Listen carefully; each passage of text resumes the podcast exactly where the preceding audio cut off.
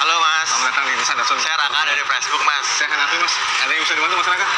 Nah mas, aku punya misi nih mas, mau cari mobil yang di bawah harga 200 juta. Kira-kira Nissan punya nggak sih mas? Kita ada Datsun Cross. Datsun Cross mas. Oke langsung kita lihat mas. Langsung kita. Oke. Nah mas, untuk Datsun Cross nih mas, ada berapa tipe sih mobil ini mas? Kalau untuk Datsun Cross sendiri cuma ada dua tipe Mas. Ada dua tipe Tipe doang. manual dan tipe CVT. Oh, tipe Bedanya manual di dan transmisi aja. Oh, Jadi gitu. interior sama, eksterior sama.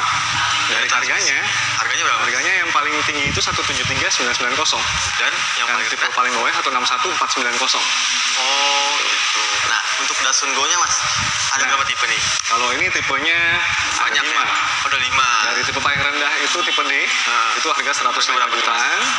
Kemudian tipe paling tinggi itu T-Active CVT, T-Active harga CVT. Iya. 145. Yang ini kita lihat T-Active CVT, Oh ini yang paling mahal ya? itu paling mahal. Nah mas, Ya. banyak yang nanya nih mas Pajaknya berapa sih mas untuk mobil Datsun Cross sama Datsun yang satunya Oke. lagi nih?